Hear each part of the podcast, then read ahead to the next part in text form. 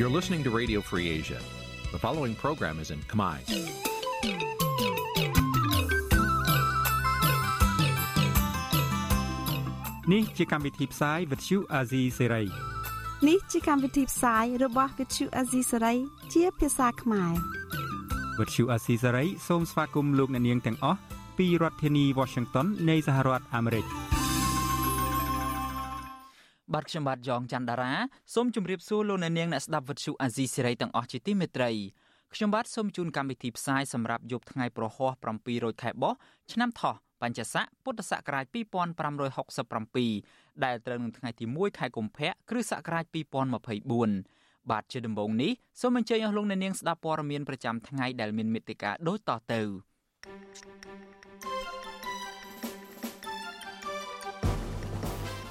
អង្គការមូលនិធិរូបិយវត្ថុអន្តរជាតិ IMF រកឃើញថាកំណើនសេដ្ឋកិច្ចកម្ពុជា កំពុងប្រឈមទៅនឹងហានិភ័យ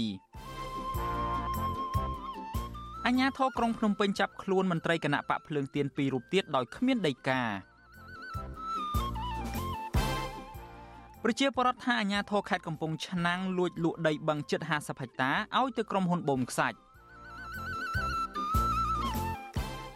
ជនជាដើមភៀតតិចគួយនៅក្នុងខេត្តព្រះវិហារបារម្ភពីជីវភាពលំបាកក្រោយពីក្រុមហ៊ុនគម្រាមឈូសឆាយចំការដំឡូងជាច្រើនហិកតារួមនឹងព័ត៌មានសំខាន់សំខាន់មួយចំនួនទៀត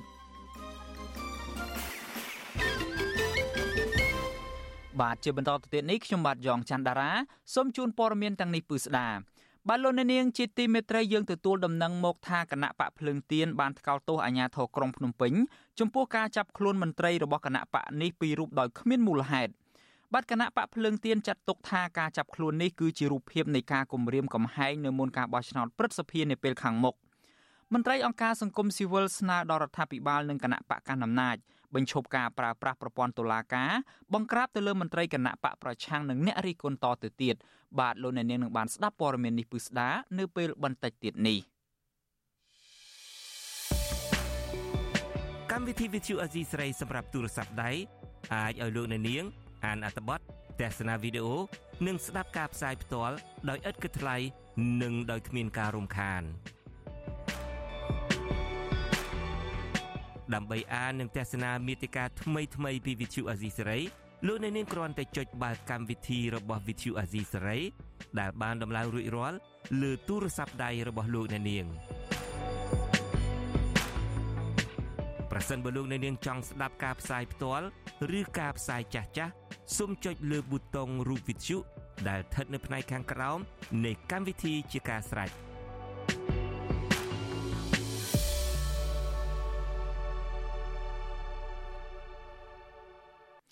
បាទលោកអ្នកនាងជាទីមេត្រីកាលពីប្រមាណខែមុននេះលោកអ្នកនាងប្រកាសជាបានជ្រាបស្រាប់ហើយថាមានករណីបណ្ដេញប្រជាពលរដ្ឋចេញពីតំបន់អង្គរដោយបង្ខំឲ្យទៅរស់នៅក្នុងតំបន់រុនតាឯកនៅក្នុងស្រុកបន្ទាយស្រី ឥឡូវនេះយើងទទួលបានព័ត៌មានមកថាប្រជាពលរដ្ឋចំនួនរហូតដល់ទៅជាង2000គ្រួសារដែលកំពុងរស់នៅតំបន់រុនតាឯកនៅក្នុងស្រុកបន្ទាយស្រីនោះបានប្រមានថាពួកគាត់នឹងរុះរើផ្ទះសម្បែងត្រឡប់ទៅនៅតំបន់អង្គរវិញប្រសិនបើអាជ្ញាធរពាក់ព័ន្ធពុំបានពន្លឿនដំណោះស្រាយបញ្ហាបានសមត្ថភាពឲ្យបានឆាប់ទេនោះបាទមន្ត្រីអង្គការសង្គមស៊ីវិលលើកឡើងថាអាញាធរគួរតែយកបញ្ហារបស់ប្រជាពលរដ្ឋដោះស្រាយឲ្យបានត្រឹមត្រូវបាទលោកសេចបណ្ឌិតរាយការណ៍ព័ត៌មាននេះ ពលរដ្ឋរស់នៅតំបន់រុនតាឯកជាច្រើនគ្រួសារស្នើសុំអាជ្ញាធរពន្លឿនដោះស្រាយបញ្ហាប្រាក់ដែលកាត់ពីបានសមធរប្រមាណ20ទៅ30ម៉ឺនរៀលក្នុងមួយគ្រួសារពលរដ្ឋថាការកាត់នេះជារឿងមិនត្រឹមត្រូវព្រោះកន្លងទៅរដ្ឋាភិបាល បានសន្យាថានឹងផ្ដល់ឲ្យពួកគាត់រយៈពេល10ឆ្នាំពលរដ្ឋរស់នៅតំបន់រុនតាឯកស្រុកបន្ទាយស្រី លោកឡុងឡែនប្រាប់បទសុអាស៊ីសេរី នៅថ្ងៃទី1ខែកុម្ភៈថា ពលរដ្ឋជាង2000គ្រួសារពួកគាត់ពុំសប្បាយចិត្តចំពោះការកាត់ប្រាក់បានសមធម៌ចំនួនពី20ទៅ30ម៉ឺនរៀលក្នុងមួយគ្រួសារនោះទេលោកបន្តថាពលរដ្ឋនឹងក្រោកតវ៉ាទ្រង់ទ្រាយធំហើយឈានដល់ការរុះរើផ្ទះទៅរស់នៅតំបន់អង្គរវិញ ប្រសិនបើអាជ្ញាធរមិនអើពើដោះស្រាយបញ្ហានេះទេ ធ្វើខាងរដ្ឋាភិបាលនៅតែធ្វើឲ្យមានបញ្ហាប្រហែលជាគាត់នឹងបង្កភាពចលាចលធ្វើឲ្យរដ្ឋាភិបាលកាន់តែឈឺក្បាលខ្លាំងទេអញ្ចឹងណាព្រោះធម្មតាយើងធ្វើរុះចេញពីតំបន់រមណីយដ្ឋានកូនគឺយើងខាត់បងទាំងស្រុងណាទាំងដីទាំងទ្រព្យសម្បត្តិគឺយើងបោះបង់អស់ហើយអញ្ចឹងដល់ពេលរដ្ឋាភិបាលសន្យាមកយើងអត់បានអញ្ចឹងវាប្រជាជនត្រូវតែទៀមទាយកចំណុចដើមមកវិញហើយពលរដ្ឋម្នាក់ទៀតសុំមិនបញ្ចេញឈ្មោះលើកឡើងថា ចាប់តាំងពីមានការតវ៉ារបស់ពួកគាត់ជុំវិញបញ្ហាបានសមធននេះមក ត្រូវបានអាជ្ញាធរដើរគំរាមកំហែងដោយប្រើពាក្យសម្ដីអសុរោះជេរប្រមាថនិងគំរាមបញ្ឈប់មិនឲ្យរស់នៅតំបន់រុនតាឯកតទៅទៀតប្រសិនបើពួកគាត់នៅតែតវ៉ាហើយនិយាយប្រាប់រឿងទាំងនេះទៅអ្នកសារព័ត៌មានដែលធ្វើឲ្យប៉ះពាល់ដល់មុខមាត់រដ្ឋាភិបាលទោះយ៉ាងណាពលរដ្ឋទាំងនោះអះអាងថាការគម្រាមកំហែងនិងដើរស្រង់ឈ្មោះពលរដ្ឋដែលទៅតវ៉ាពុំមែនជារឿងល្អហើយអាចបញ្ឈប់ការឃ្លានយុទ្ធធរបាននោះទេ ពលរដ្ឋទទូចឲ្យអាជ្ញាធរពាក់ព័ន្ធងាកមកដោះស្រាយបញ្ហាទើបជាមធ្យោបាយល្អជាជាងដើរគម្រាមកំហែងពលរដ្ឋជុំវិញរឿងនេះវិទ្យុអាស៊ីសេរីពុំអាចតាក់ទងអភិបាលខេត្តសៀមរាបលោកប្រាក់សុភ័ណ្ឌនិងប្រធានអង្គភិបអ្នកណែនាំពាក្យរដ្ឋាភិបាលលោកប៉ែនបូណាបានទេនៅថ្ងៃទី1ខែកុម្ភៈដោយទូរស័ព្ទហៅចូលតែពុំមានអ្នកទទួលអ្នកសម្របសម្រួលគម្រោងធុរកិច្ចនិងសិទ្ធិមនុស្សរបស់មជ្ឈមណ្ឌលសិទ្ធិមនុស្សកម្ពុជាលោកវ៉ាន់សុផាតយល់ថា ការប្រមូលផ្ដុំរបស់ប្រជាពលរដ្ឋដើម្បីទាមទាររកដំណោះស្រាយគឺជាភាពត្រឹមត្រូវនិងស្របច្បាប់ចំណែករដ្ឋាភិបាលត្រូវតែយកកង្វល់របស់ប្រជាពលរដ្ឋទាំងនោះទៅដោះស្រាយប្រកបដោយយុត្តិធម៌ដោយពុំអាចគេចវេះយករួចខ្លួននោះទេ បានសមត្ថនោះអត់ត្រូវមានលក្ខខណ្ឌអីដែលត្រូវថាដកពីនឹងយកទៅចំណាយក្នុងកម្មវិធីអីផ្សេងទៀតទេបើតាមខ្ញុំដឹងគឺថាតាបានសមត្ថគឺសមត្ថត្រូវផ្ដល់ជូនជាពលរដ្ឋរយៈពេលប្រហែលឆ្នាំនេះអាហ្នឹងត្រូវអនុវត្តឲ្យគ្រប់លក្ខខណ្ឌរបស់គាត់នៅថ្ងៃទី27មករាពលរដ្ឋរស់នៅតំបន់រុនតាឯកជាង2000នាក់បានជួបជាមួយនឹងរដ្ឋបាលខេត្តសៀមរាបដូចជាមន្ត្រីសង្គមគិច្ចព្រមទាំងអភិបាលស្រុកបន្ទាយស្រីលោករិនលូតនៅផ្សាររុនតាឯកថ្មី ដែលជាកន្លែងពលរដ្ឋតវ៉ាដើម្បីរកដំណោះស្រាយរឿងកាត់ប្រាក់បានសមធរចំណែកអាជ្ញាធរបានសន្យាថានឹងផ្ដល់ឲ្យពលរដ្ឋវិញយ៉ាងយូរត្រឹមថ្ងៃទី27មករាតែជាក់ស្ដែងពលរដ្ឋថាពួកគាត់ពុំទាន់បានលុយទាំងនេះនៅឡើយទេរហូតដល់ថ្ងៃទី1ខែកុម្ភៈខ្ញុំបាទសេកបណ្ឌិតវិទ្យុអាស៊ីសេរីពីរដ្ឋធានីវ៉ាស៊ីនតោន ហ្នឹងហើយយើងអាចនិយាយចឹងក៏បានតាមពិតយើងមានឯកសារគ្រប់គ្រាន់បាទយើងយើងជជែកគ្នានឹងពឹងផ្អែកទៅលើឯកសារដែលយើងមានបាទហើយក៏ពឹងផ្អែកទៅលើសម្ដីរបស់រដ្ឋមន្ត្រីមួយរូបបាទដែលយើងគិតថាឧបនាយករដ្ឋមន្ត្រីឧបនាយករដ្ឋមន្ត្រីមួយរូបដែលយើងគិតថាយកជាការបាន បាទយកជាការបានបាទ កម្ពុជាយើងបច្ចុប្បន្ននេះគឺបញ្ហាគ្រឿងញៀននេះវាលុកខ្លាំងមែនទែននៅក្នុងសង្គមកម្ពុជាអឺពីដើមឡើយមកគឺថាគ្រឿងញៀននេះសម្បូរតែនៅក្នុងទីក្រុងឬមួយក៏ទីប្រជុំជនទេជាពិសេសនៅរាជធានីភ្នំពេញប៉ុន្តែបច្ចុប្បន្ននេះគឺថាបានរីករាលដាលរហូតទៅដល់តាមខេត្តខណ្ឌជនបទអីហ្នឹងគឺថាពេញនឹងទាំងអស់ស្រុកស្រែចំការកន្លែងណាក៏ដោយក៏មានគ្រឿងញៀនដែរគ្រឿងញៀនដែរហើយក៏មានប្រជាពលរដ្ឋខ្មែរយើងនឹង ជាជាពិសេសយុវវ័យហ្នឹងនាំគ្នាប្រើ បាទលោកអ្នកនាងជាទីមេត្រីដូច្នេះសូមលោកអ្នកនាងរងចាំស្ដាប់កម្មវិធី podcast កម្ពុជាសប្តាហ៍នេះរបស់ Vuthu Azizi Serai ដែលយើងនឹងចាក់ផ្សាយនៅព្រឹកថ្ងៃសៅរ៍ម៉ោងនៅកម្ពុជាហើយយើងនឹងចាក់ផ្សាយឡើងវិញនៅក្នុងកម្មវិធីព័ត៌មានរបស់យើងនៅយប់ថ្ងៃច័ន្ទហើយកម្មវិធី podcast កម្ពុជាសប្តាហ៍នេះភាគទី38នេះគឺខ្ញុំបាទរួមជាមួយនឹងលោកសំពូលីជជែកពិភាក្សាគ្នាអំពីបញ្ហានៃការរីករាលដាលនៃគ្រឿងញៀននៅកម្ពុជា ហើយនៅពេលឆាប់ឆាប់ខាងមុខនេះគឺថាស្ថាបនិកមួយរូបនៃកម្មវិធី podcast កម្ពុជាសប្តាហ៍នេះនឹងវិលមកបំរើអារម្មណ៍របស់លោកអ្នកនាងវិញហើយហើយនៅថ្ងៃនេះដែរនៅក្នុងកម្មវិធីផ្សាយថ្ងៃនេះដែរយើងក៏នឹងមានដំណឹងពិសេសដំណឹងដ៏ក្តៅគគុកមួយពាក់ព័ន្ធទៅនឹងស្ថាបនិកនៃកម្មវិធី podcast របស់យើងដែរហើយចង់ដឹងថានោះជាដំណឹងអ្វីជាព័ត៌មានអ្វីនោះសូមលោកអ្នកនាងបន្តរងចាំស្ដាប់កុំបីខាននៅពេលបន្តិចទៀតនេះបាទ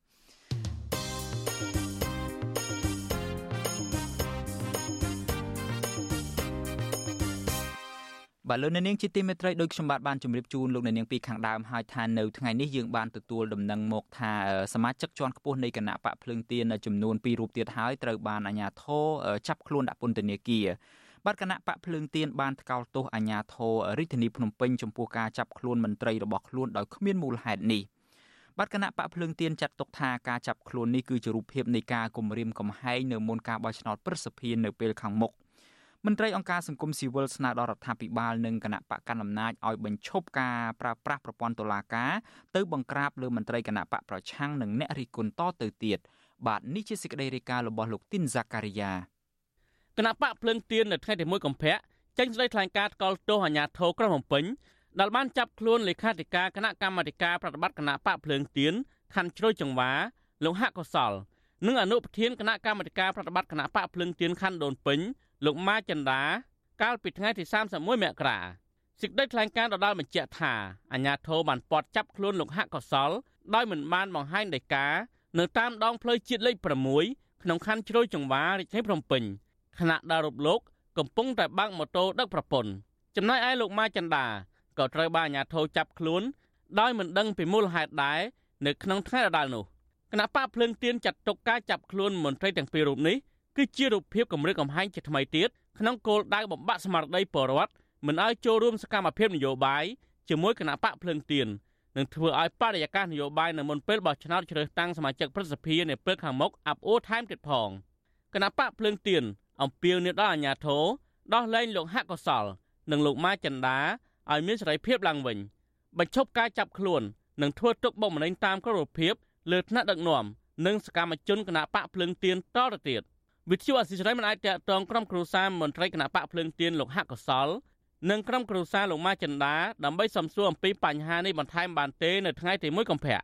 វិទ្យុអសិរ័យក៏មិនអាចតាក់ទងអ្នកនាំពាក្យស្នងការនគរបាលរាជធានីភ្នំពេញលោកសានសុកសៃហាដើម្បីសំសួរអំពីការចាប់ខ្លួននេះបានឡាយដែរនៅថ្ងៃដដែលនេះអ្នកនាំពាក្យសមាគមការពារសិទ្ធិមនុស្សអាតហុកលោកសង្សានករណាលើកឡើងថាទាំងអង្គការសិទ្ធិមនុស្សជាតិនិងអន្តរជាតិក៏សម្គាល់ឃើញថា សកម្មជននិងមន្ត្រីបកប្រឆាំងតែងតែត្រូវបានចាប់ខ្លួនដោយមិនមានភស្តុតាងច្បាស់លាស់និងច្រើនជាករណីនយោបាយនៅមុនពេលការបោះឆ្នោតមកដល់លោកសង្សានករណាស្នើដល់រដ្ឋាភិបាលបញ្ឈប់ការធ្វើទុកបុកម្នេញមន្ត្រីគណៈបកប្រឆាំង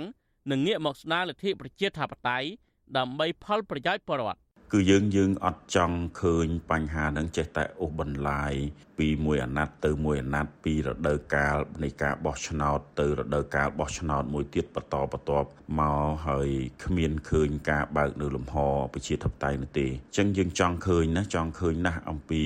អ្វីដែលជាការប្រកួតប្រជែងផ្នែកនយោបាយនឹងគប្បីអ្នកនយោបាយនឹងធ្វើយ៉ាងណាបើកនៅសិទ្ធិសេរីភាព ទាំងអស់នេះឲ្យបានពេញលេញសមស្របតាមប្រទេសដែលគេហៅថាប្រទេសប្រកាន់នៅរបបប្រជាធិបតេយ្យពិតប្រាកដសមាគមការពារសិទ្ធិមនុស្សអាត6លើកឡើងថាគិតត្រឹមថ្ងៃទី1កុម្ភៈ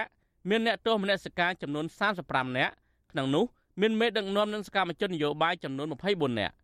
ក្នុងចំណោមសកម្មជននយោបាយដែលកំពុងតែជាប់ពន្ធនាគារយូរជាងគេរួមមានមន្ត្រីជាន់ខ្ពស់គណៈបកសង្គ្រោះជាតិលោកអ៊ីស្ម៉ាអែលពិនអូស្មាន បានជាប់ឃុំខ្លួនអស់រយៈពេល7ឆ្នាំនិងអតីតសមាជិកក្រុមប្រឹក្សារាជធានីភ្នំពេញគណៈបកសង្គ្រោះជាតិលោកកកកំភីបានជាប់ពន្ធនាគារអស់រយៈពេលជាង3ឆ្នាំចំណែកឯអង្គការឃ្លាំមើលសិទ្ធិមនុស្សអន្តរជាតិ Human Rights Watch បានចេញរបាយការណ៍ពិភពលោកប្រចាំឆ្នាំ2024ដោយលើកឡើងថាលោកហ៊ុនម៉ាណែតឡើងកាន់អំណាចរយៈពេល4ខែមកនេះស្ថានភាពសិទ្ធិមនុស្សនិងលទ្ធិប្រជាធិបតេយ្យនៅតែយ៉ាប់យ៉ឺននៅឡើយអង្គការនេះបញ្ជាក់ថា រដ្ឋាភិបាលកម្ពុជានៅតែប្រើប្រាស់ប្រព័ន្ធតុលាការយាយីលើអ្នករិះគន់រៀបរៀងគណៈបកភ្លើងទៀនមិនឲ្យចូលរួមការបោះឆ្នោតរដ្ឋបတ်ប្រព័ន្ធផ្សព្វផ្សាយអាយក្រិចនិងប្រើអំពើហិង្សាចាប់ចងអ្នករិះគន់ឥតស្រាកស្រានជាដើមខ្ញុំបាទទីនសាការីយ៉ាអស៊ីសេរីប្រធានាធិបតី Washington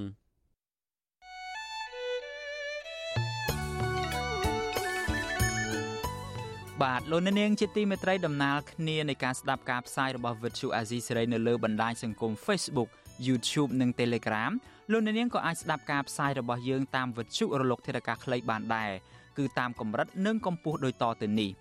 ពេលព្រឹកចាប់ពីម៉ោង5កន្លះដល់ម៉ោង6កន្លះតាមរយៈប៉ុស SW 93.90 MHz ស្មើនឹងកម្ពស់ 32m និងប៉ុស SW 11.85 MHz ស្មើនឹងកម្ពស់ 25m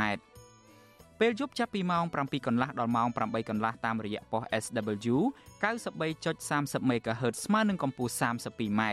ប៉ុស SW 11.88 MHz ស្មើនឹងកម្ពស់ 25m និងប៉ុស SW 15.15 MHz ស្មើនឹងកម្ពស់ 20m បាទលោកអ្នកនាងជាទីមេត្រីឆ្លៀតនៅក្នុងឱកាសនេះដែរខ្ញុំបាទសូមជម្រាបជូនលោកអ្នកនាងថាការផ្សាយរបស់វិទ្យុអាស៊ីសេរីនៅរយៈពេលចុងក្រោយនេះកំពុងទទួលរងនឹងការយាយីរំខានតាមគ្រប់រូបភាពមានដូចជាវិទ្យុរបស់យើងដែលផ្សាយតាមរលកថេរកាខ្លីឬមួយក៏ short wave នោះគឺថាត្រូវបានប្រទេសវៀតណាមប្រើប្រាស់បច្ចេកវិទ្យាទំនើបបញ្ជាមិនឲ្យអ្នកស្ដាប់នៅកម្ពុជាអាចបើកស្ដាប់បានឡើយ ហើយចំណែកការផ្សាយរបស់យើងនៅក្នុង Facebook ឬមួយក៏ YouTube តែម្ដងក៏រងនៅការវិលុកយ៉ាងច្រើនសន្ធាប់ពីបណ្ដាញអ្នកអុកឡុកលើបណ្ដាញសង្គមឬមួយក៏យើងហៅថា MMO នោះដែរបាទពួកគេហាក់ដូចជាមានការរៀបចំចាត់បញ្ជូនមកដើម្បីជេរប្រមាថនៅក្នុងគោលបំណងរំខានការផ្សាយរបស់យើង។ ដោយលោកអ្នកនាងបានឃើញហើយថាកុំយើងនៅពេលដែលយើងកំពុងតែផ្សាយផ្ទាល់នេះលោកអ្នកនាងប្រកាសជាឃើញនៅសារដដែលដដែលហើយដែលមានលក្ខណៈជាមិនត្រឹមត្រូវដូចជាករណីថាផ្សាយលំអៀងផ្សាយបែកបែកឬមួយអីចឹងជាដើមទាំងអស់នេះគឺថាជាក្រុមមួយដែលត្រូវបានគេចាត់តាំងបញ្ជូនមកដើម្បីអុកលុករំខានការផ្សាយរបស់យើងប៉ុណ្ណោះលោកអ្នកនាងដូចបានឃើញហើយថាបើសំបីតែយើងផ្សាយអំពីកសិករចិញ្ចឹមទាក៏ពួកគេនឹងចូលមករំខានថាផ្សាយបែកបែកឬមួយក៏វិភាគអីចឹងជាដើមដែលតាមការពិតនោះគ្រាន់តែវីដេអូវិជាកសិករនិយាយពីរឿងចិញ្ចឹមទាក៏គាត់ថាជាការវិភាគអីចឹងដូច្នេះនេះមិនមែនជាក្រុមមួយដែលមានការបញ្ចេញមតិដោយត្រឹមត្រូវនោះទេពួកគេចូលមកហ្នឹងគឺថាដើម្បីគ្រាន់តែអុកលុករំខានការផ្សាយរបស់យើងប៉ុណ្ណោះ ហើយដើម្បីទប់ស្កាត់កុំឲ្យក្រុមនេះរំខានការផ្សាយរបស់យើងខ្ញុំបាទជំនួសមុខឲ្យវិទ្យុអាស៊ីសេរីសូមឲ្យលោកអ្នកនាងនឹងគឺថាចូលរួមបញ្ចេញមតិយោបល់ពិតប្រាកដរបស់លោកអ្នកនាងទៅហើយមិនចាំបាច់រវីរវល់ឬមួយក៏ថាចាប់អារម្មណ៍ជាមួយនឹងក្រុមអស់នេះទេ បាទលោកអ្នកនាងជាពិសេសនោះមិនចាំបាច់ឆ្លងឆ្លើយឬមួយក៏បង្ហោះសារណាមួយនៅក្នុងការតបតជាមួយក្រុមនេះទេដោយខ្ញុំបាទបានជម្រាបជូនហើយថាក្រុមនេះគឺជាក្រុម MMO ដែលគេចូលមកដើម្បីតែអុកលុករំខានការផ្សាយរបស់យើងប៉ុណ្ណោះបាទសូមអរគុណ បាទលោកនាងជាទីមេត្រីឥឡូវនេះយើងងាកទៅចាប់អារម្មណ៍ពាក់ព័ន្ធទៅនឹងស្ថានភាពនៃការលួចលក់បឹងធម្មជាតិនៅឯខេត្តកំពង់ឆ្នាំងឯនោះវិញយើងទទួលបានព័ត៌មានមកថាប្រជាពលរដ្ឋបានចោទអាជ្ញាធរខេត្តកំពង់ឆ្នាំងថាបានលួចលក់ដីបឹងធម្មជាតិចំនួនជិត50ហិកតាឲ្យទៅក្រុមហ៊ុនឯកជនដើម្បីឲ្យក្រុមហ៊ុនទាំងនោះធ្វើសកម្មភាពបូមខ្សាច់និងកាយដីលក់បាទលោកនៅវណ្ណរិនរាយការណ៍ព័ត៌មាននេះជាវីដេអូជូនលោកអ្នកនាងដូចតទៅ thank you រយៈពេលជាង5ឆ្នាំចុងក្រោយនេះបឹងពោស្ថិតនៅក្នុងភូមិឡពីងឃុំតាចេះស្រុកកំពង់ត្រឡាចកាន់តែរាក់ទៅរាក់ទៅ ហើយខ្វះទឹកប្រើប្រាស់នៅរដូវប្រាំងស្ទើរតែរាល់ឆ្នាំ ក្រោយពីបឹងមួយនេះកំពុងរងនៅការបូមខ្សាច់យ៉ាងអនាធិបតេយ្យពលរដ្ឋចោទថាអាញាធមូលដ្ឋាន បានខុបខិតគ្នាលក់ដីបឹងឲ្យទៅម្ចាស់ក្រុមហ៊ុនឈ្មោះលោកឋានសុជាតិដោយគ្មានការជូនដំណឹងពលរដ្ឋជាមុន ឥឡូវពុកម៉ែហ្នឹងមកខ្វាចឹងគាត់ដឹងមុំខាងណាយើងអត់ទាន់ស្គាល់ច្បាស់តែលក់នៅណាផងទេអត់ប្រាប់យើងតែខ្ញុំទេនៅនេះឲ្យវាបង្ហាញច្បាស់ចឹងទៅអត់ផងគេអ្នកនេះឲ្យមកនោះឲ្យមកទេទៅថាឯណាឯនោះខំផងអាស្រៀងណាដេញថ្លៃរុញយកដីរៀបទៅលក់បាតដល់អញ្ចឹងតែវាដេញថ្លៃលក់ដីយើងទៅនេះតែធ្វើការអីមួយអត់ឲ្យប្រជាជនបានដឹងទេអានឹងហើយគេហៅថាប្រព័ន្ធនោះវាទៅតាមខ្សែប្រព័ន្ធដូចភូមិវាឃុំអីចឹងទៅអ្នកតំណងទៅស្រុកខេត្តអីចឹងទៅ តែប្រជាជនអត់ដឹងទេបានមានដៃប៉ោកចេះតែពីពឺទៅខ្វាខ្វារបស់គេដូចវងពឺហ្នឹងសុំស្ដាគេថា3ម៉ាត់ដាក់ឲ្យ20 30ម៉ែត្រទៅបឹងពោគឺជាបឹងធម្មជាតិដ៏សំខាន់របស់ប្រជាកសិករអាស្រ័យផល យកទឹកធ្វើស្រែប្រាំងនេសាទត្រី និងប្រមូលផលផ្សេងផ្សេងក្នុងបឹងដូចជាបេះប្រលិត និងច្រូតស្មៅដើម្បីចិញ្ចឹមគោក្របីជាដើមបឹងនេះ មានទំហំជិត50ហិកតា ហើយផ្ដល់ប្រយោជន៍ដល់ប្រជាពលរដ្ឋជិត300គ្រួសារនៅភូមិឡពីងភូមិសូវង និងភូមិសំរោងប្រជាពលរដ្ឋចោទថាអាញាធរពុំមានឆន្ទៈអភិរក្សបឹងធម្មជាតិនេះនោះទេយើងពួកយើងទាំងអស់គ្នាសូមគ្រប់គ្រងមានការក្នុងការអភិរក្សបឹងយើងមិនមែនគ្រប់គ្រងឲ្យអាញាធរហ្នឹងផ្ដល់ឱកាសឲ្យគេបោងខ្សាច់ទេ យើងត្រូវការអភិរក្សត្រូវការការពារបឹងនឹងទុកសម្រាប់កូនចៅជំនាន់ក្រោយព្រោះថាត្រីធម្មជាតិរបស់យើងចិត្តដាច់ពូជហើយហើយបឹងនៅក្នុងប្រជាជាតិណាចក្រកម្ពុជាមួយចំនួនធំក៏ត្រូវលុបអស់ហើយអស់លោកគួរតែមើលទៅថាបឹងប្រមាណដែលនៅសល់គួរឲ្យបឹងធម្មជាតិមួយនេះសល់ផងដើម្បីឲ្យពលរដ្ឋនៅជុំវិញបឹងនឹងគាត់មាន ការរកស៊ីការអាស្រ័យផលនៅលើបឹងនឹងផងអអភិបាលរងខេត្តកំពង់ឆ្នាំង លោកឈិនសេងងួនប្រាប់វិទ្យុអាស៊ីសេរីនៅថ្ងៃទី26មករាថាលោកនឹងចុះស្រាវជ្រាវលើករណីនេះបន្ថែមទៀតប្រសិនបើរកឃើញមានភាពមិនប្រក្រតីមែននោះលោកនឹងចាត់វិធានការតាមផ្លូវច្បាប់អញ្ចឹងចេះណាខ្ញុំបញ្ជាក់លោកប្អូនដល់ទៀតបញ្ហាហ្នឹងខ្ញុំមិនអាចឆ្លើយថាវាពិតអីយ៉ាងម៉េចទេចង់ដឹងច្បាស់តើថាសួរទៅខាងមន្ទីរជំនាញឬក៏អ្នកនាំពាក្យ សាលាខេត្តគឺលោកកាន់យូចំណុចទី2ខ្ញុំបានទទួលឲ្យព័ត៌មានដែលលោកអូនលើកឡើងថាបឹងរអីប្រជាជនត្រូវការទឹកណាហ្នឹងខ្ញុំនឹងរាយការណ៍ជូនដល់អាជ្ញាខេត្តដើម្បីពិនិត្យមើលដោះស្រាយជូនជាប្រវត្តិណាបងអូនចំណែកជំទប់ទី1ឃុំតាចេះលោកសុកច័ន្ទស៊ីធ្លាប់ប្រាប់វិទ្យុអាស៊ីសេរីថាកន្លងទៅអាញាធរពិតជាបានធ្វើកុងត្រាជាមួយនឹងក្រុមហ៊ុនឯកជន ដើម្បីស្ដារបឹងក៏ប៉ុន្តែជាក់ស្ដែងក្រុមហ៊ុននេះបែរជាបូមយករ៉ែខ្សាច់លក់ទៅវិញ មន្ត្រីសង្គមស៊ីវិលលើកឡើងថាដីបឹងស្ទឹងទន្លេជាដើម គឺជាដីសាធារណៈរបស់រដ្ឋដូច្នេះពុំអាចបុគ្គលណាមួយយកទៅលក់ឬរំលោភយកតាមតែអំពើចិត្តបាននោះទេខ្ញុំបាទនៅវណ្ណរិន with Chu Azizi Saray ពីរដ្ឋធានី Washington បាទ លោកនាងជាទីមេត្រីយើងចេញពីខេត្តកំពង់ឆ្នាំងទៅចាប់អារម្មណ៍ពាក់ព័ន្ធទៅនឹងស្ថានភាពរស់នៅរបស់ប្រជាពលរដ្ឋនៅក្នុងខេត្តព្រះវិហារឯណោះវិញ បាទជនជាដើមភៀតតិចគួយនៅក្នុងស្រុកចំនួន3នៃខេត្តព្រះវិហារកំពុងព្រួយបារម្ភពីជីវភាពលំបាកក្រោយពីកងកម្លាំងសន្តិសុខរបស់ក្រុមហ៊ុនចិនបានដើរគម្រាមឈូសឆាយដីចំការដំឡូងរាប់ពាន់ហិកតារបស់ពួកគាត់ចោលហើយប្រជាខ្លះប្រជាពលរដ្ឋខ្លះទៀតរងការគំរាមកំហែងចាប់ដាក់ពន្ធនាគារនិងសម្លាប់ជាដើមប្រសិនបើពួកគាត់បន្តអាស្រ័យផលនៅលើដីនោះជាបន្តទៀតបាទសូមលោកអ្នកនាងទស្សនាសេចក្តីរាយការណ៍នេះជាវីដេអូរបស់លោកសេចបណ្ឌិតដូចតទៅ ជនជាតិដើមភេតិចគួយ លើកឡើងថាចាប់តាំងពីមានវត្តមានក្រុមហ៊ុនស្ករអំពៅរបស់ចិនឈ្មោះ Heng Fu Group Sugar Industry មកពួកគាត់រស់នៅដោយវេទនាព្រោះគ្មានដីអាស្រ័យផលត្រឹមត្រូវពួកគាត់ត្រូវបានក្រុមហ៊ុនគំរាមសម្លាប់និងឈូសឆាយដំណាំពួកគាត់រាប់ពាន់ហិកតាចោលពួកខ្ញុំភ័យខ្លាចហើយណាមួយក៏ដំណាំកចៃលុយពីធនាគារមកដាំហើយដល់ពេលឈូសឆាយចោលចេះទៅពួកខ្ញុំរំពឹងអីទៀតបានអីនឹងសងគេ ហើយណាមួយក៏ភ័យខ្លាចដែលគេគម្រាមចាប់ដាក់គុកដាក់ច្បាក់នៅទៀតវាយដាក់ខ្នោះបោះដាឡានអត់ចូលទេពាក្យនោះហើយប្តឹងទៅតុលាការចាំមើលតិចទៀតដឹងហើយអស់បងឯងសិតតែមានឈ្មោះអស់ហើយដាច់តិចទៀតបានឡើងទៅដល់តុលាការហើយខ្ញុំថាឡើងក៏ឡើងចុះព្រោះពួកខ្ញុំក៏មិនខ្លាចទេព្រោះពួកខ្ញុំអាចបានធ្វើអីខុសផងបើត្រូវឡើងក៏ឡើងបើក្រិនទីពលរដ្ឋធ្វើស្រែចម្ការនេះក៏ប្តឹងដាក់គុកដាក់ច្បាក់ធ្វើម៉េចចាបើប្តឹងក៏ប្តឹងទៅ បើខ្ញុំគ្រាន់តែធ្វើស្រែចម្ការគេចាប់ដាក់គុកដាក់ច្បាប់អត់បានទៅជួញដូរគ្រឿងញៀនឬមួយក៏រស់ស៊ីអីនឹងខុសច្បាប់ផងគ្រាន់តែធ្វើស្រែចម្ការម៉ាត់ចាប់គុកដាក់គុកដាក់ច្បាប់ជនជាតិដើមភេតិចគួយម្នាក់ទៀតលើកឡើងថាសកម្មភាពឈូសឆាយដំណាំពលរដ្ឋពីសំណាក់ក្រុមហ៊ុនចិនតាមអំពើចិត្តនេះពុំឃើញមានអាជ្ញាធរណាអើពើចុះដោះស្រាយនោះទេផ្ទុយទៅវិញអាជ្ញាធរបែរជាកាន់ជើងខាងក្រុមហ៊ុនទៅវិញចំណែកប៉ូលីសបានប្រើគ្រុរូបភាពតាមឃ្លាំមើល និងគម្រាមកំហែងមកលើពលរដ្ឋមិនអោយនិយាយប្រាប់អ្នកសារព័ត៌មានថាគេតំណាងថាក្រុមហ៊ុននេះនៅតែចូលធ្វើឲ្យខ្ញុំនៅតែបន្តហាមឃាត់តទៅទៀតខ្ញុំមិនថយក្រោយទេព្រោះបើខ្ញុំថយក្រោយខ្ញុំបានអីនឹងបង់ធនាគារខ្ញុំធ្វើនេះឯងគ្រាន់បានតក់តក់បង់ធនាគារព្រោះខ្ញុំធ្វើរឿងឯនេះខ្ញុំយកលុយធនាគារមកធ្វើដល់ពេលមកបំផ្លាញជួដំណាំរបស់ខ្ញុំចូលអស់តើខ្ញុំបានអីនឹងទៅឲ្យធនាគារ ខ្ញុំអត់កើតអីទេខ្ញុំសុំអីទេគូយន់ស្អីស្អីកើតខ្ញុំមិនកើតក្រខ្វះខាតហើយអស់ខ្ញុំ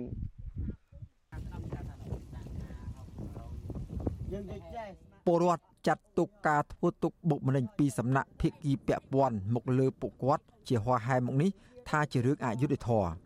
ពួកគាត់ទទូចឲ្យរដ្ឋាភិបាលគួរតែបញ្ឈប់ការរំលោភបំពានសិទ្ធិជនជាតិដើមភាគតិច វិទ្យុអស៊ីស្រីនៅពុំទាន់អាចតកតងអភិបាលខេត្តព្រះវិហារលោកគឹមរិទ្ធី និងអភិបាលស្រុកឆែបលោកឡងសុបិនដើម្បីបកស្រាយជុំវិញរឿងនេះបានទេ នៅថ្ងៃទី3ខែមករាយ៉ាងណាអភិបាលរងខេត្តព្រះវិហារលោកណប់វុធី កាលពីថ្ងៃទី26មករាបានព្រមានឲ្យពលរដ្ឋទាំងអស់បញ្ឈប់បង្កបង្កើនផលលើដីនោះទៀតបើពុំចង់មានទោសទណ្ឌតាមផ្លូវច្បាប់ លោកបញ្ជាក់ថាដីដែលពលរដ្ឋអាស្រ័យផលនោះ គឺជាដីរដ្ឋដែលរដ្ឋាភិបាល បានវិនិយោគទៅឲ្យក្រុមហ៊ុនអ្នកសម្របសម្រួលគម្រោងធុរកិច្ចនិងសិទ្ធិមនុស្សរបស់មជ្ឈមណ្ឌលសិទ្ធិមនុស្សកម្ពុជាលោកវ៉ាន់សុផាត សង្កេតឃើញថាក្រុមហ៊ុនស្ករអំពៅចិននេះត្រូវគេចាត់ទុកថា ជាក្រុមហ៊ុនស្ករឈាម ដែលមានន័យថាពួកអ្នកទាំងនោះ បានច្បាមយកដីនិងរំលោភសិទ្ធិពលរដ្ឋជាជនជាតិដើមភាគតិចយ៉ាងធ្ងន់ធ្ងរ ដូច្នេះលោកថាអាញាធរពពាន់គួរតែពិចារណាឡើងវិញដោយឈលលើគោលការណ៍យុត្តិធម៌ដើម្បីដោះស្រាយវិវាទដីធ្លីនេះឲ្យបានឆាប់អាហ្នឹងគេហៅថាស្កឈាមមានន័យថាក្រុមហ៊ុននេះរួមទាំងអាជ្ញាធរនឹងគឺថាបន្តែងប្រជាពលរដ្ឋចេញណារឹបអូសយកញើសឈាមរបស់ប្រជាពលរដ្ឋដែលគាត់អាស្រ័យផលតាំងដើមរៀងមកជនជាតិដើមភៀតតិចគួយនៅស្រុកចំនួន3គឺស្រុកត្បែងមានជ័យស្រុកជ័យសែននិងស្រុកឆែប ស្ទើរតែ80%ក្នុងចំណោមពលរដ្ឋជាង700គ្រួសារប្រកបរបរកសិកម្មដូចជាធ្វើស្រូវវស្សា និងដាំដំឡូងលក់ដើម្បីបានថវិកាខ្លះផ្គត់ផ្គង់គ្រួសារពលរដ្ឋរងគ្រោះបញ្ញាចិត្តថានឹងចេញតវ៉ាទ្រង់ទ្រាយធំឆាប់ឆាប់រហូតតតែមានដំណោះស្រាយសមរម្យខ្ញុំបាទសេកបណ្ឌិតវិទ្យុអាស៊ីសេរីពីរដ្ឋធានីវ៉ាស៊ីនតោន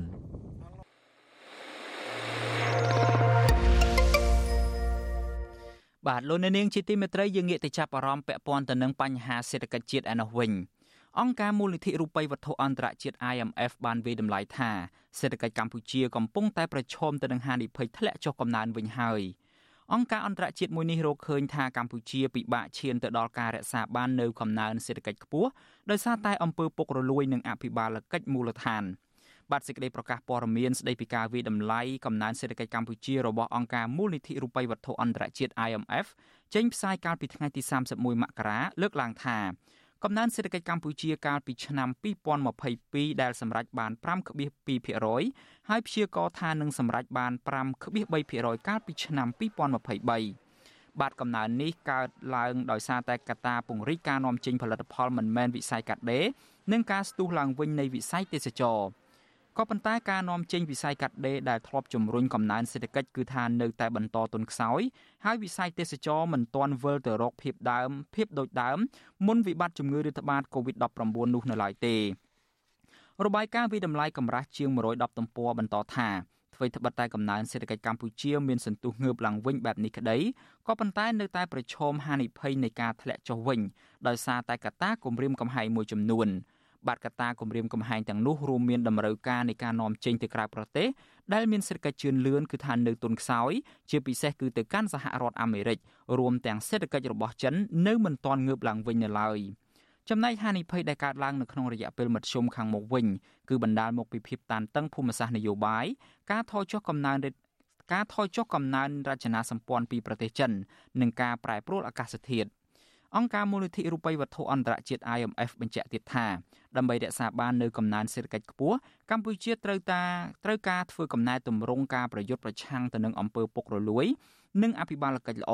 ដើម្បីតេទៀងការវិនិយោគដោយផ្ទាល់ពីបរទេស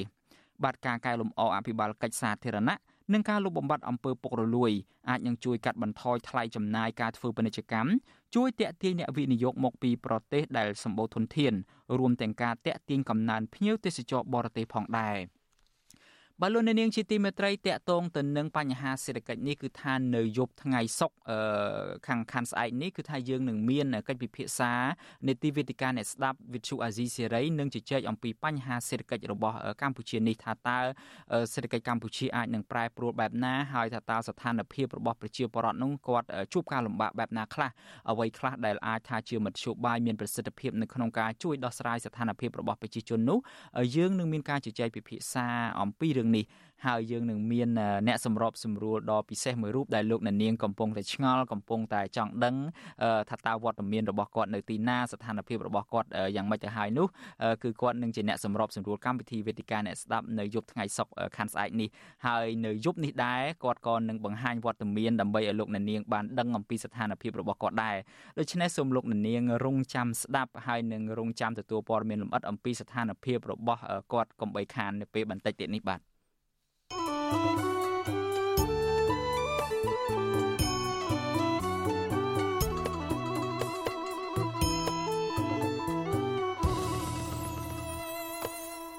បាទលោកនាងជាទីមេត្រីយើងងាកមកចាប់អារម្មណ៍ព័ត៌មានមួយទៀតដែលកំពុងតែក្តៅគគុកនៅកម្ពុជាឯនេះវិញអឺតកតងទៅនឹងគ្រួសាររបស់លោកហ៊ុនសែនរួមទាំងគណៈបកកណ្ដាលអំណាចនិងរដ្ឋាភិបាលផងនោះនៅតែបន្តរក្សាភាពស្ងៀមស្ងាត់នៅឡើយជុំវិញព័ត៌មានបែកធ្លាយដែលចុះផ្សាយថាប្រពន្ធរបស់លោកហ៊ុនសែនគឺអ្នកស្រីប៊ុនរនីហ៊ុនសែនបានដួលសន្លប់និងកំពុងសង្គ្រោះបន្ទាន់នៅមន្ទីរពេទ្យកាល់ម៉ែតនៅក្នុងក្រុងភ្នំពេញ។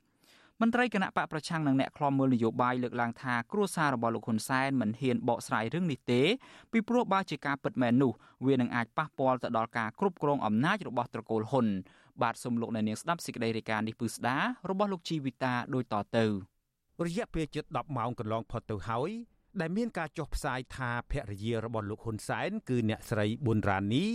ដែលជាប្រធានកាកបាទក្រហមកម្ពុជាផងនោះកំពុងសង្គ្រោះបន្ទាន់នៅមន្ទីរពេទ្យ ប៉ុន្តែក្រុមគ្រួសាររបស់លោកហ៊ុនសែនមិនទាន់បង្ហាញប្រតិកម្មឬឆ្លើយតបការចុះផ្សាយនោះនៅឡើយទេគេហទំព័រ Facebook និង Telegram ផ្លូវការរបស់អតីតនាយករដ្ឋមន្ត្រីលោកហ៊ុនសែនគឺត្រឹមបង្ហោះព័ត៌មានស្ដីពីសកម្មភាពការងាររបស់លោកហ៊ុនម៉ាណែតដែលបំពេញការងារជានាយករដ្ឋមន្ត្រីរីឯកូនកូនរបស់លោកហ៊ុនសែន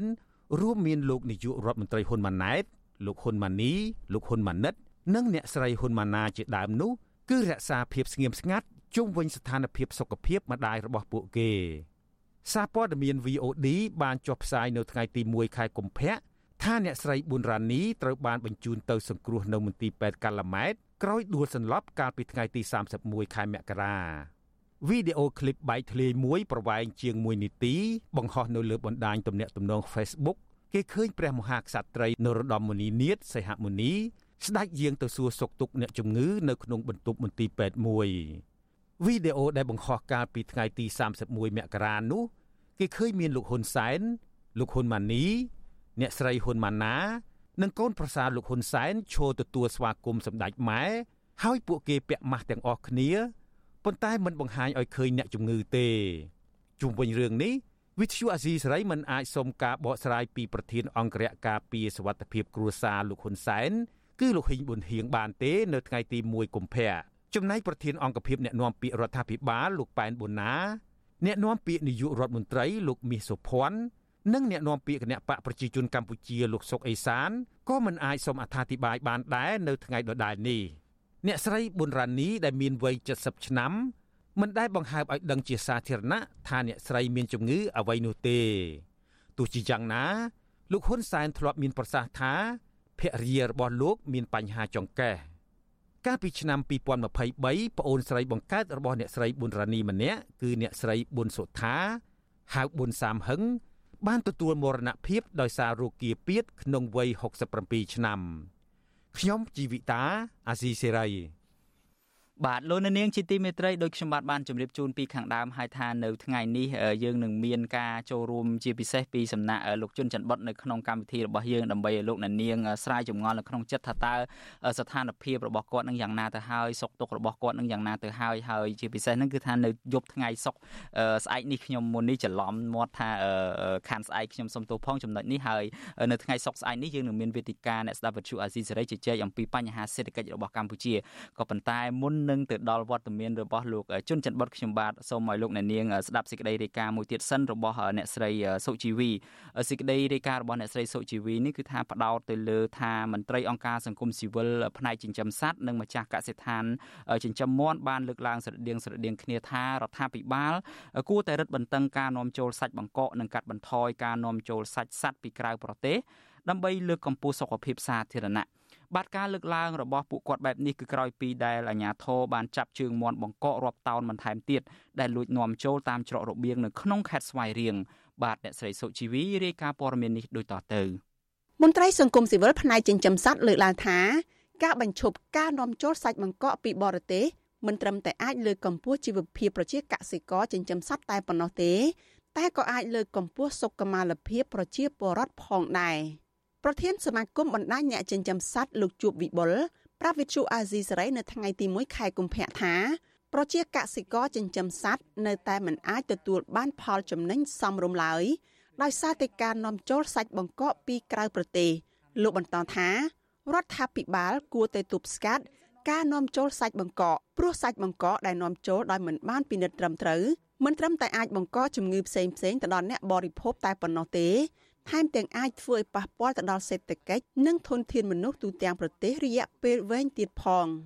ចង់បង្ក្រាបឬក៏ប្រតិបត្តិមិនឲ្យមានការនាំចូលសាច់បកកអនាធិបតេយ្យទេគឺជារឿងងាយស្រួលទេគឺគ្រាន់តែអនុវត្តវិន័យរដ្ឋបាលតឹងរឹងចំពោះមន្ត្រីក៏ដូចជាក្រុមហ៊ុនជាពិសេសត្រូវឲ្យមានការដេញថ្លៃបង្ហាញនៅតម្រូវការនៃការប្រើប្រាស់សាច់ហ្នឹងនៅក្នុងកម្រិតណាឲ្យបានមហាជនបានដឹងអាហ្នឹងគឺជាការទប់ស្កាត់មានប្រសិទ្ធភាពប៉ុន្តែដោយឡែកបើគ្រាន់តែនិយាយតែមាត់ទេ ហើយសកម្មភាពមិនបានអនុវត្តទេអាហ្នឹងគឺគ្រាន់តែជាការធ្វើដើម្បីឲ្យរួចតែពីដៃទេប្រតិកម្មរបស់មន្ត្រីសង្គមស៊ីវិលផ្នែកចិញ្ចឹមសត្វនេះបន្ទាប់ពីមន្ត្រីផ្នែកការពារអ្នកប្រាស្រ័យកិច្ចការប្រកួតប្រជែងនិងបង្ក្រាបការក្លែងបន្លំហៅកាត់ថាកបបខេត្តស្វាយរៀងចាប់បានសាច់បង្កកចំនួន4កុងតឺន័រនៅតាមផ្លូវស្ថិតក្នុងសង្កាត់សង្ខួរស្រុកស្វាយរៀងខេត្តស្វាយរៀងនៅថ្ងៃទី31ខែមករា ក្រោយពីចាប់បានសាច់បង្កកដែលជាជើងមាន់មានចំនួនរហូតដល់រាប់ពាន់កេសនេះអាជ្ញាធរក៏បានឃាត់ខ្លួនអ្នកបើកបររថយន្តចំនួន4នាក់និងបរិសម្នាក់ទៀតដែលអះអាងថាការនាំចូលសាច់បង្កកទាំងនេះមានឯកសារនាំចូលត្រឹមត្រូវប៉ុន្តែមិនបានបង្ហាញឯកសារចំពោះមុខសមត្ថកិច្ចវិទ្យុអាស៊ីសេរីមិនអាចតកតអគ្គនាយកនៃអគ្គនាយកដ្ឋានកិច្ចការប្រកួតប្រជែងនិងបង្ក្រាបការក្លែងបន្លំលោកផានអូនដើម្បីសុំការបកស្រាយជុំវិញរឿងនេះបាននៅឡើយទេនៅថ្ងៃទី1ខែកុម្ភៈ ក្រសួងកសិកម្មនិងក្រសួងពាណិជ្ជកម្មកាលពីថ្ងៃទី12ខែមករាកន្លងទៅ បានប្រកាសផ្អាកការនាំចូលរយៈពេល6ខែលើការនាំចូលគ្រឿងក្នុងសត្វនិងបំណែកសាច់បង្កកបន្ថែមពីនេះលោកនាយរដ្ឋមន្ត្រីហ៊ុនម៉ាណែតក៏បានជំរុញឲ្យមន្ត្រីពាក់ព័ន្ធរៀបចំប្រព័ន្ធបង្កកគ្រឿងក្នុងសាច់សត្វក្នុងពេលដែលកម្ពុជាហាមឃាត់ការនាំចូលគ្រឿងក្នុងនិងបំណែកមួយចំនួនរបស់សត្វផងដែរនៅក្នុងពិធីបូកសរុបការងារក្រសួងកសិកម្មរុក្ខាប្រមាញ់និងនេសាទ កាលពីថ្ងៃទី30ខែមករាយើងដាក់គោលការណ៍ដើម្បីមិនឲ្យនាំចូលសាច់នាំចូលអីគ្រប់ពុកមិនកើតវាប្រឆាំងជាមួយនឹងគោលការណ៍ WTO ផងហើយឥឡូវយើងចុះហត្ថលេខាជាសមាជិកនៃកិច្ចព្រមព្រៀងពាណិជ្ជកម្មសេរីច្រើនអញ្ចឹងទៅមុខទៀតវាទៀមទាឲ្យយើងត្រូវបង្កើនសមត្ថភាពដើម្បីប្រកួតប្រជែង ជុំវិញរឿងនេះដែរម្ចាស់កសិដ្ឋានចិញ្ចឹមមាន់ម្នាក់នៅឯខេត្តបាត់ដំបងលោកព្រីងភិរមលើកឡើងថាដោយសារតែរដ្ឋាភិបាលមិនបានពិនិត្យនិងទប់ស្កាត់ការនាំចូលសាច់មាន់និងពងមាន់ដែលកសិករនៅក្នុងប្រទេសជិតខាងផលិតលើសទីផ្សារនៅក្នុងស្រុកដូច្នេះលោកមិនអាចទទួលបានផលចំណេញសមរម្យពីការលក់ពងមាន់និងមាន់រស់នោះទេលោកបន្តថាបើទោះបីជាគិតគូរពីតម្លៃសម្រាប់អ្នកបរិភោគក្តី តែរដ្ឋាភិបាលក៏គួរតែគិតពីសុខភាពរបស់ពលរដ្ឋនៅក្នុងរយៈពេលវែងផងដែរបើយើងឲ្យចូលហួសហេតុពេកក៏វាធ្វើឲ្យវាស្លាប់ទាំងអ្នកចិញ្ចឹមចុងក្រោយទីផ្សារគេនឹងវាយលុកដល់ឧទាហរណ៍ថាគេបាត់អស់ហើយយើងឈប់ចិញ្ចឹមមកហើយដោយសារខាតបងចិញ្ចឹមជ្រូកចិញ្ចឹមគោខាតអស់ហើយអញ្ចឹងទីផ្សារវាមានតែមួយមកពីខាងកើតអញ្ចឹងទៅឬក៏មកពីខាងលិចអញ្ចឹងវាគេវាយយកពេលក្រោយថ្លៃដដែលអានេះជារបស់ខ្ញុំណាអ្នកជំនាញផ្នែកកសិកម្មលើកឡើងថាភាពជោគជ័យនៅក្នុងវិស័យកសិកម្ម គឺជាការធានាសវត្ថិភាពស្បៀងអាហារដែលជាអាយុជីវិតរបស់ប្រជាពលរដ្ឋដូច្នេះរដ្ឋាភិបាលគួរតែអន្តរាគមន៍ឲ្យវិស័យកសិកម្មអាចផ្គត់ផ្គង់ទីផ្សារនៅក្នុងស្រុកឲ្យបានច្រើន ជាជាងការនាំចូលផលិតផលកសិកម្មពីប្រទេសជិតខាងដោយមិនបានឆ្លងកាត់ការពិនិត្យគុណភាពឲ្យបានត្រឹមត្រូវនាងខ្ញុំសុជីវីវិទ្យុអាស៊ីសេរីពីរដ្ឋធានី Washington បាទលោកនាងជាទីមេត្រីដោយខ្ញុំបាទបានជម្រាបជូនពីមុននេះបន្តិចហើយថានៅយប់នេះគឺយើងនឹងមានវត្តមានរបស់លោកជុនច័ន្ទបតចូលខ្លួនមកបកស្រាយពាក់ព័ន្ធទៅនឹងបញ្ហាសុខភាពរបស់ពួកគាត់របស់គាត់ហើយឥឡូវនេះយើងបានភ្ជាប់តាមប្រព័ន្ធវីដេអូ Skype ទៅកាន់លោកជុនច័ន្ទបតហើយថាតើស្ថានភាពរបស់លោកយ៉ាងណានោះឥឡូវនេះខ្ញុំបាទសូមជម្រាបសួរលោកច័ន្ទច័ន្ទបតបាទបាទជម្រាបសួរតារា សុខសប្បាយតារាបាទសុខសប្បាយទេលពូជុនច័ន្ទបុតហើយយ៉ាងមិនដែរលពូសុខភាពនេះនៅពេលនេះមុននេះបន្តិចខ្ញុំរៀងលាក់លោកនាងតិចដែរណាអត់បាញ់ប្រហើបឈ្មោះទេដើម្បីឲ្យពួកគាត់ឆ្ងល់ថាតើភ្ញៀវពិសេសណាមួយឬមួយក៏វាគ្មិនឯណាមួយតាមពិតមិនមែនជាវាគ្មិនទេគឺលពូជុនច័ន្ទបុតសោះឥឡូវយ៉ាងមិនដែរពូស្ថានភាពសុខភាពនៅពេលនេះបាទសុខភាពមុននឹងទៅជែកពីរឿងសុខភាពមិនដែរសំឡេងប៉ុណ្ណឹងទទួលយកបានទេអាចផ្សាយបានទេស្អែក ប្រកាសជាបានហើយពូបាទបាទសុខភាពអឺមិនអីទេ ការវះកាត់លើកនេះដោយលោកនាងបានជ្រាបហើយខ្ញុំអាចនិយាយបានវិញក៏ប៉ុន្តែគាត់ថាថ្ពាល់នឹងរៀងធំជាងនឹងតិចវះកាត់បានទៅជា3អាទិត្យជាងហើយប៉ុន្តែវានៅតែហើមមួយជំហៀងនឹងពីព្រោះការវះកាត់នឹងធំដែរចង់បង្ហាញពីចុះគឺថាពីនេះពីកកនេះរហូតមកដល់ គុំតិចឯនេះដូច្នេះវារបួសនឹងច្រើនដែរដូច្នេះវានៅហើបបន្តិចក៏ប៉ុន្តែយ៉ាងណាក៏ដោយចុះការវះកាត់ជាលើកចុងក្រោយនេះក្រមគ្រូពេទ្យបានប្រាប់ថាគាត់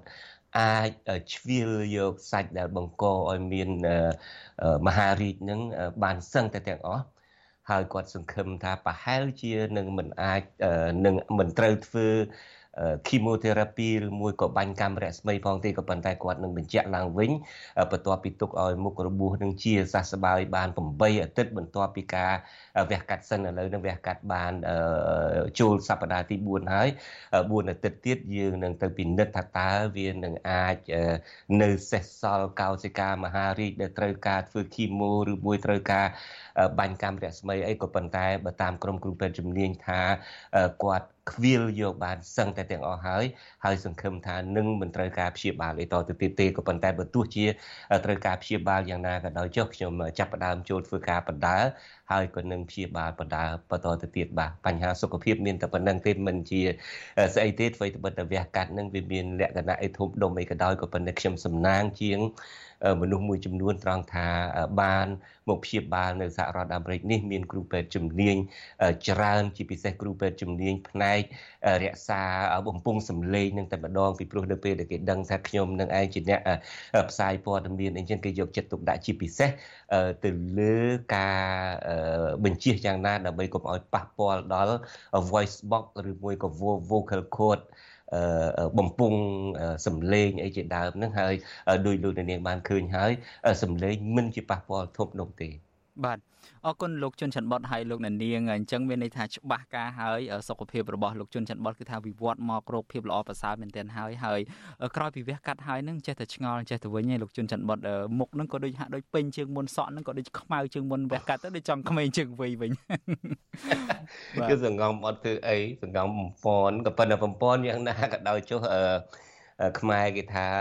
ឈឺជើងធាត់ឈឺមាត់ស្គមណាបាទមកដល់ថ្ងៃនេះញ៉ាំអីក៏នៅតែមិនទាន់មានរសជាតិអីនៅឡើយអត់ទាន់ដឹងរសជាតិអីទេក៏ប៉ុន្តែដោយយល់ថាសំខាន់ណាស់ក្នុងការដែលញ៉ាំមានជាតិសាច់មានជាតិបន្លែមានជាតិវីតាមីនអីដើម្បីឲ្យទៅជួយជួសជុលមុខរបួសឲ្យឆាប់ជាអីជាដើមចេះតែខំ ក៏ប៉ុន្តែមុខដែលពេញហ្នឹងឃើញស្រាប់ហើយពេញហ្នឹងដោយសារវាហើមទេតារាតាមពិតស្រកអស់14គីឡូហើយតាំងពីថ្ងៃវះកាត់ម្ដងហើយនេះអូអញ្ចឹងមានន័យថាអត់ចាំបាច់ទៅសម្រក់ទម្ងន់នេះទេគឺវាស្រកអូតូម៉ាទិកហើយបាទហ្នឹងហើយលោកជុនច័ន្ទបុតចំណុចមួយខ្ញុំឲ្យចង់ឲ្យលោកជុនច័ន្ទបុតជួយបកស្រាយបន្តិចបើសិនជាលោកជុនច័ន្ទបុតគិតថាមានសារៈសំខាន់នៅក្នុងការជួយបកស្រាយអឺ តាមការពិតទៅអំពីស្ថានភាពរបស់លោកជុនច័ន្ទវត្តតាំងតែពីថ្ងៃដំបូងនៃការចូលវះកាត់មកខ្ញុំខ្លួនឯងអ្នកសារព័ត៌មានរបស់យើងដូចជាលោកថាថៃនិងគ្នាយើងមួយចំនួនទៀតតែងតែបានលើកឡើងអំពីថាជោគជ័យនៃការវះកាត់របស់លោកជុនច័ន្ទវត្តហ្នឹងគឺមានជោគជ័យហើយលោកសុខភាពហ្នឹងគឺថាកាន់តែវិវត្តមកល្អប្រសើរវិញហើយក៏ប៉ុន្តែ ម្ដងហើយម្ដងទៀតស្រាប់តែមានចរន្តនៃការចេញផ្សាយព័ត៌មានคล้ายៗមកបន្តម្ដងហើយម្ដងទៀតគឺថាលោកបានលាចាកលោកអីនឹងទៅជាងជាដើមជាពិសេសហ្នឹងគឺថាពីម្សិលមិញនេះគឺមានការផ្ទុះកក្រើកមែនទែននៅស្រុកខ្មែរអ្នកដែលប្រើប្រាស់បណ្ដាញសង្គមហ្នឹងហើយរហូតដល់ថ្នាក់អតីតរដ្ឋមន្ត្រីក្រសួងព័ត៌មានដូចជាលោកខៀវកញ្ញរិទ្ធអីហ្នឹងចាប់ផ្ដើមបញ្ចេញសារមកនិយាយថាងឮថាលោកស្លាប់អីមែនចឹងអត់ហើយប្រព័ន្ធពួក MMO អីចឹងណាដែលយើងដឹងថាជាពួកអុកលុកតាមរំខានលើបណ្ដាញសង្គមហ្នឹងចាប់ផ្ដើមបំផុសព័ត៌មាន នឹងម្ដងហើយម្ដងទៀតលោកអាចធ្វើការសន្និដ្ឋាននៅមួយក៏វិភាគអីបន្តិចបានទេថាតើមូលហេតុអីបានជាពួកគេហាក់ដូចជាព្យាយាមបំផុសឲ្យមានព័ត៌មាននេះឲ្យខ្លាំងយ៉ាងនេះបាទ យើងតែងសង្កេតឃើញបែបនេះសង្កេតឃើញថានៅពេលដែលមានព្រឹត្តិការណ៍អ្វីមួយយើងដឹងហើយប្រភពព័ត៌មានคล้ายคล้ายនេះគឺភាកច្រើនចេញពីអ្នកដែលស្និទ្ធឬមួយក៏ចេញពីគណៈបកកណ្ដាលអំណាចគណៈបកប្រជាជនកម្ពុជានឹងតែម្ដងហើយកន្លងមកយើងតែងឃើញថានៅពេលដែលមានព្រឹត្តិការណ៍អីមួយ ដែលរដ្ឋាភិបាលមិនចង់ឲ្យគេចាប់អារម្មណ៍អីហ្នឹងតែងតែលើកយកព្រឹត្តិការណ៍អីណាមួយទៀតដើម្បីគេហៅថាយកព័ត៌មានមួយដើម្បីមកបន្សាព័ត៌មានមួយទៀតណាដូច្នេះខ្ញុំសង្កេតឃើញថាថ្ងៃនេះអីជាដើមនៅពេលដែលយើងមានព័ត៌មានពី VOD ថាប្រពន្ធរបស់លោកនាយករដ្ឋមន្ត្រីហ៊ុនសែននឹងដួលហើយយកទៅព្យាបាលនៅឯមន្ទីរពេទ្យកាល់ម៉ែតអីហ្នឹងក៏ខ្ញុំឃើញសន្ទុះនៃការផ្សាយអំពីការស្លាប់របស់ខ្ញុំអីអីណាឬមួយក៏គេសម្លាប់បំបិតមាត់ចោលឬមួយក៏វះកាត់នឹងមិនបានជោគជ័យអីហ្នឹងឃើញហាក់មានសន្ទុះខ្លាំងដូច្នេះខ្ញុំគ្រាន់តែស្មាននេះគ្រាន់តែវិភាគទេខ្ញុំមិនដឹងថាតើការពិតហ្នឹងអ្នកមានតែអ្នកផ្សាយទេដែលដឹងថាតើ គេផ្សាយនៅក្នុងគោលបំណងអីខ្ញុំគ្រាន់តែវិភាគតាមដែលតារាសួរទេណាជួនកាលគេអាចបង្កើតព័ត៌មានណាមួយដើម្បីទៅបង្វែរចំណាប់អារម្មណ៍ក៏មិនដឹងថ្ងៃហ្នឹងយើងមានរឿងច្រើនមានរឿងលក់បឹងអីណា ឲ្យក្រុមហ៊ុនឯកជនឲ្យក្រុមហ៊ុនអីជួនកាលហ្នឹងអាមានរឿងនឹងពីក្រោយច្រើនហ្នឹងជាការបង្វែរការចាប់អារម្មណ៍ហ្នឹងក៏ប្រឌិតរឿងអីមួយទៀតដែលអាចគេចាប់អារម្មណ៍ដែរក៏មិនដឹងប៉ុន្តែខ្ញុំបាននិយាយចឹងតារាមានតែអ្នកដែលចេញមកបំផុសបំផុលនោះទេដែលគេអាចដឹងបានពីព្រោះការពិតហ្នឹងគេដែលចេញមកបំពុលព័ត៌មានហ្នឹងគេដឹងរួចហើយពីព្រោះអាស៊ីសេរីដែលលាក់ពីកាលណាមកគ្នាយើងផ្សាយរាល់ថ្ងៃថាសុខស្ថានភាពសុខភាពរបស់ខ្ញុំនឹងប្រសើរឡើងវិញនឹងចូលមកផ្សាយវិញនៅថ្ងៃសុក្រអីនឹងជាដើមយើងផ្សាយរាល់ថ្ងៃដែលយើងមានលក្ខការពីណាមកដូច្នេះការដែលបង្កើតនឹងគឺថាហើយជារបៀបគុំនេះផងអ្វីត្បិតតែគេដឹងថាការដែលផ្សាយព័ត៌មាននឹងមិនពិតក៏ដោយចុះក៏គេគិតថាគេអាចបំពុលឬមួយក៏គេអាចបង្វែរស្ថានភាពបានខ្លះដែរបាទ អរគុណលោកជុនច័ន្ទបតចំពោះការវិភាគលើចំណុចនេះហើយខ្ញុំក៏ចាប់អារម្មណ៍នៅចំណុចមួយទៀតដែរឥឡូវយើងយើងគិតថាបើគេមានសេណារីយ៉ូចឹងណាលោកជុនច័ន្ទបតគេមានសេណារីយ៉ូយុទ្ធសាស្ត្ររបស់គេក្នុងការបំភ្លៃព័ត៌មានបំផុសឲ្យមានការចាប់អារម្មណ៍ទៅលើករណីរបស់លោកជាជាងឲ្យចាប់អារម្មណ៍ទៅលើរឿងអីផ្សេងទៀតនោះបើយើងគិតអំពីជ្រុងធម្មជ្រុងទៀតសាមញ្ញចុះថា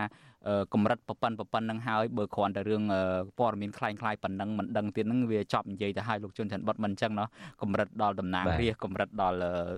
ជាមន្ត្រីរដ្ឋាភិបាលជាន់ខ្ពស់អីចឹងទៅហើយព័ត៌មានយើងផ្សាយចេញតែរហូតហើយនាំគ្នាទៅចែកអាមលែកអាព័ត៌មានคล้ายคล้ายហ្នឹងយើងមិនដឹងថាគាត់ទៅរាយការណ៍ព័ត៌មានคล้ายคล้ายមិនខ្លះប្រាប់ទៅមេគាត់ណាលោកជុនច័ន្ទបុតកាលចំនួនលោកហ៊ុនសែនក្តីឬមួយក៏លោកហ៊ុនម៉ាណែតក្តីអានេះគឺថាអាចជាមួយជ្រុងទៀតចោះ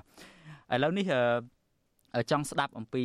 ការធ្វើវេទិកាអ្នកស្ដាប់វិទ្យុអាស៊ីសេរីនៅថ្ងៃស្អែកវិញលោកជុនច័ន្ទបុតប្រកាសជាមានអីចង់ជម្រាបជូនលោកអ្នកនាងហើយថាតើថ្ងៃស្អែកនេះយើងមានអ្វីដើម្បីប្រាប់ទៅប្រិយមិត្តរបស់យើងបាទលោកជុនច័ន្ទបុតបាទបាទបាទដូចលោកនាងកញ្ញាជ្រាបហើយខ្ញុំបានចូលវិញខ្ញុំនឹងចូលវិញជាលើកទី1ស្អែកនេះបន្ទាប់ពីខកខានមិនបានផ្សាយនឹងអស់រយៈពេល1ខែគត់ហើយ ហើយដូច្នេះការចូលមកថ្ងៃទី1នេះខ្ញុំនឹងមានវាគ្មិនពិសេសមួយរូបគឺជាអ្នកសេដ្ឋកិច្ចជំនាញហើយអ្វីដែលយើងទៅជែកនឹងគឺទាន់សភាពការតែម្ដងយើងដឹងទាំងអស់គ្នាហើយថាតាំងពីលោកនាយករដ្ឋមន្ត្រីហ៊ុនសែនមកអាគម្រោងព្រែកជីកដែលគេហៅថាព្រែកជីក Funon Daeju នេះអឺជាគម្រោងដែល អនុម័តតាំងពីសម័យលោកហ៊ុនសែនម្លេះមកហើយបន្តមកដល់លោកហ៊ុនម៉ាណែតនេះគម្រោងនេះគឺជាគម្រោងដែលអ្នកវិនិយោគបរទេសអ្នកវិនិយោគចិននិយាយឲ្យចំអ្នកវិនិយោគចិនគឺថាធ្វើជាលក្ខណៈឯកជនតែម្ដងជាលក្ខណៈរកស៊ីតែម្ដង ហើយទិសដៅរបស់គេនឹងគឺគេចង់បង្កើតផ្លូវទឹកមួយភ្ជាប់ពីសមុទ្រយើងនឹងដើម្បី ចែកចាយដឹកជញ្ជូនអីនឹងពីខេត្តខណ្ឌនានាពីរដ្ឋធានីភ្នំពេញនឹងទៅដល់សមុទ្រផងដឹកទំនិញពីសមុទ្រមកតាមផ្លូវទឹកនឹងយកទៅចែកចាយដល់ខេត្តខណ្ឌដល់ក្រុងភ្នំពេញផងហើយតាមគម្រោងនេះគឺថាវានឹងជួយដល់ការរីកចម្រើនដល់សេដ្ឋកិច្ចខ្មែរក៏ប៉ុន្តែយ៉ាងណាក៏ដោយចុះនេះគឺជាគម្រោងដែលរដ្ឋាភិបាលកម្ពុជា ប្រគល់ឲ្យអ្នកវិនិយោគិន បរទេសអ្នកវិនិយោគិនចិននឹងជាលក្ខណៈឯកជននឹងដើម្បីសាងសង់ហើយរកស៊ីទៅក្រោមគម្រោងមួយដែលភាសាអង់គ្លេសហៅ BOT ដែលមានន័យថា build operate and transfer មានន័យថាគេសង់ហើយគេរកស៊ីបានប្រាក់ចំណេញហើយអស់ចិត្តហើយបានគេផ្ទេរអានឹងយកមកឲ្យកម្ពុជាវិញដូច្នេះយើងមានអ្នកសេដ្ឋកិច្ចជំនាញមួយគឺលោកបណ្ឌិតសុកហាជ គាត់មានមតិផ្ទុយទៅវិញគាត់ថាបើជៀសវាងក្នុងការកុំឲ្យអ្នកវិនិយោគិនចិនហ្នឹងសាងសង់ព្រែកជីកហ្វូណូនឹងភ្ជាប់ពីភ្នំពេញឬពីខេត្តខណ្ឌនានាទៅសមុទ្រដើម្បីដឹកជញ្ជូននឹងហើយចុះបើសិនជាយើងបង្កើតជីកព្រែកជីកជុំវិញបឹងទន្លេសាបទៅវិញឬមួយក៏ដែលហេតុតែប្រទេសយើងជាប្រទេសកសិកម្មនឹងធ្វើព្រែកជីកឬធ្វើប្រព័ន្ធធារាសាស្ត្រជុំវិញបឹងទន្លេសាបទៅវិញ ដើម្បីឲ្យអ្នកស្រុកនឹងអាចយកទឹកនឹងយកទៅប្រើប្រាស់ស្រោចស្រពស្រែបម្រើការងារកសិកម្មផងហើយអាចដឹកជញ្ជូនទំនិញជុំវិញបឹងទន្លេសាបនេះផងដូច្នេះនេះគឺជាប្រធានបទនៃការជជែកពិភាក្សាស្អែកនេះថាតើគំនិតរបស់លោកសុកហាជដែលចង់ឲ្យមានប្រព័ន្ធធារាសាស្ត្រជុំវិញបឹងទន្លេសាបនឹងអស់ប្រាក់ប្រមាណមានផលចំណេញប្រមាណប្រៀបធៀបទៅនឹងព្រែកជីតេជោហ្វូណននេះខ្ញុំសង្ឃឹមថាលោកនាងនឹងបានស្វែងយល់ច្រើនអំពីមតិទស្សនៈយោបល់និងសំណើរបស់លោកបណ្ឌិតសុកហាជនៅក្នុងនីតិវេទិកាអ្នកស្ដាប់វិទ្យុអាស៊ីសេរីនៅថ្ងៃស្អែកនេះ។ បាទអរគុណលោកជុនច័ន្ទបតប្រកាសណាស់យើងនឹងរងចាំតាមដានស្ដាប់កម្មវិធីវេទិកាអ្នកស្ដាប់វិទ្យុអស៊ីសេរីជជែកអំពីប្រធានបទនេះព្រោះនេះជាគម្រោងអាចថាគម្រោងខ្នាតយៈធំមែនទែនសម្រាប់កម្ពុជាហើយនៅក្នុងឆ្នាំ2024ឬមួយក៏ឆ្នាំខាងមុខខាងមុខនេះគឺថាយើងនឹងអាចមានព័ត៌មានច្រើនអំពីរឿងគម្រោងប្រជិក Funon Dejo នេះហើយជាចុងក្រោយមុននឹងបញ្ចប់ពីលោកជុនច័ន្ទបតទៅខ្ញុំសូមជម្រាបជូនលោកអ្នកនាងចំណុចមួយថាហើយលោកជុនច័ន្ទបតក៏ប្រហែលជាដឹងហើយថាការផ្សាយរបស់យើងនឹងមួយរយៈកាលចុងក្រោយនេះគឺថាទទួលរងនឹងការយាយីរំខាននឹងគឺថាខ្លាំងមែនតែនបើយើងនៅលើ short wave វិញគឺថាមានការដែលរដ្ឋាភិបាលវៀតណាមនឹងគឺថាប្រើប្រាស់បច្ចេកវិទ្យាទំនើបដើម្បីរាំងស្ទះដើម្បីកុំឲ្យអ្នកស្ដាប់នៅកម្ពុជានឹងអាចបើកស្ដាប់អាស៊ីសេរីបាន ហើយការផ្សាយរបស់យើងនៅលើបណ្ដាញសង្គមហ្នឹងដូចតែយើងកំពុងជជែកគ្នានេះអញ្ចឹងគឺថាមានការបញ្ចេញមតិទស្សនៈមួយដែលជាការរៀបចំជាប្រព័ន្ធចេញមកវិភាគបែកបែកជាមួយក៏ស្អីស្អីណាទៅតាមពិតយើងនិយាយអំពីស្ថានភាពសុខភាពរបស់លោកជុនច័ន្ទបុតសោះហ្នឹងណាទៅចេញវិភាគឯណាឆ្កយអញ្ចឹងណាយើងមិនយល់ទេក្រុម MMO នេះហើយឆ្លៀតនៅក្នុងឱកាសនេះខ្ញុំចង់ជម្រាបជូនលោកអ្នកនាងថាលោកអ្នកនាងកុំបាច់ ទៅខ្វល់ចាប់អារម្មណ៍ជាមួយនឹងក្រុម MMO នេះអីលោកនាងចង់បញ្ចេញមតិយោបល់ពិតប្រាកដចង់បញ្ចេញមតិយោបល់ជាទស្សនៈផ្ទាល់ខ្លួនអីយ៉ាងណាអាចបញ្ចេញយោបល់តាមសម្រួលចោះកុំទៅលវីលវល់អីជាមួយក្រុមនឹងអីហើយអឺ ចំណុចចុងក្រោយដែលខ្ញុំចង់ជម្រាបសួរលោកជុនច័ន្ទបតនឹងគឺថាតើលោកមានសារអ្វីទៅកាន់ប្រិយមិត្តអ្នកស្ដាប់របស់យើងផងពីព្រោះថាមានអ្នកខមមិនជូនពរលោកជុនច័ន្ទបតច្រើនណាស់នៅលើការផ្សាយរបស់យើងនៅពេលនេះហើយក្រៅពីសារទៅកាន់ប្រជាពលរដ្ឋមិត្តអ្នកស្ដាប់របស់យើងខ្ញុំចង់ឲ្យលោកជុនច័ន្ទបតជូនសារដែរទៅក្រុមដែលបំភ្លៃព័ត៌មានបំប៉ោងព័ត៌មានដែលមានចេតនាទុច្ចរិតនោះបាទសូមអញ្ជើញបាទ បាទអរគុណហើយតារាបន្ទុកទៀតតារាមិនផ្ដល់ឱកាសឲ្យនឹងក៏ខ្ញុំសុំខ្លួនឯងដែរបាទតាមពិតនឹងគឺសុំអរគុណលោកនាងកញ្ញាអ្នកដែលស្រឡាញ់គ្រប់គ្រងការផ្សាយអាស៊ីសេរីស្រឡាញ់គ្រប់គ្រងបុគ្គលិកអាស៊ីសេរីអ្នកផ្សាយអាស៊ីសេរីមានខ្ញុំបាទជាដើមនេះខ្ញុំបាទបានឃើញហើយការឆ្លើយឆ្លងនឹងការចំណាប់អារម្មណ៍នឹងខ្ញុំរំភើបណាស់ចំពោះអ្នកជាអ្នកសារព័ត៌មានសាមញ្ញម្នាក់ដែលគ្រាន់តែនិយាយព័ត៌មាននឹងក៏មានការចាប់អារម្មណ៍ពីគ្រប់មជ្ឈដ្ឋានទាំងអស់ខ្ញុំបាទសូមអរគុណហើយការយកចិត្តទុកដាក់ការចាប់អារម្មណ៍ការជូនពររបស់លោកនាងកញ្ញានេះហើយដែលផ្ដល់កម្លាំងចិត្តហើយផ្ដល់នៅធម៌ពលវិជ្ជមានមួយដែលធ្វើឲ្យខ្ញុំបាទគិតថាត្រូវតែខំព្យាបាលដើម្បីឲ្យមានជីវិតតទៅទៀតពីព្រោះថាខ្លួននៅមានប្រយោជន៍សម្រាប់មនុស្ស ជាច្រើននៅឡើយដូច្នេះគ្មានពីអីក្រៅតែពីអគុណចេញពីបេះដូងទេហើយខ្ញុំបាទនឹងស្ដែងចេញពីទឹកចិត្តអគុណនេះទៅតាមសកម្មភាពខិតខំប្រឹងប្រែងធ្វើការជាមួយនឹងក្រុមការងារយើងដើម្បីផ្ដល់ព័ត៌មានពិតមានប្រយោជន៍ដល់លោកអ្នកនាងហើយចំពោះលោកអ្នកនាងកញ្ញាដែលចាប់អារម្មណ៍ដែលគិតថាខ្ញុំបាទនឹងស្លាប់ហើយអ្នកខ្លះនឹងក៏ អឺគិតថាជាការជេរប្រមាថអីខ្ញុំមិនគិតថាប្រមាថអាយុជីវិតអីទេពីព្រោះខ្ញុំតែងតែគិតថាទាល់តែគេចាប់អារម្មណ៍ពីយើង គេមានចំណុចណាមួយអាចខ្លាចរអាពីយើងគេភ័យបារម្ភអីពីយើងនឹងហើយបានជា គេនាំគ្នាចាប់អារម្មណ៍គេនាំគ្នាបតិចនាំគ្នាអីអីចឹងទៅពីព្រោះយើងដឹងហើយនៅពេលដែលយើងធ្វើព័ត៌មានអីក៏ដោយធ្វើការអីក៏ដោយវាតែងតែជាកំបិតមុខពីរចនិចអាចមានប្រយោជន៍ដល់សង្គមទាំងមូលនៅពេលដែលយើងនិយាយការពិតក៏ប៉ុន្តែអាចប៉ះពាល់ដល់ប្រយោជន៍អ្នកដែលប្រព្រឹត្តអំពើពុករលួយអ្នកដែលរំលោភអ្នកដែលបំពានអីជាដើមដូច្នេះប្រកាសជាអ្នកទាំងនោះហើយនៅនៅស្អប់នៅខ្នាញ់យើងអីជាដើមក៏ប៉ុន្តែយ៉ាងណាក៏ដោយចុះធ្វើជ្រូកមិនរៀលទៅកដៅការងារសមរភូមិផ្សព្វផ្សាយព័ត៌មាននេះខ្ញុំក៏គិតថានៅតែមានសំណាងជាងអ្នកដតី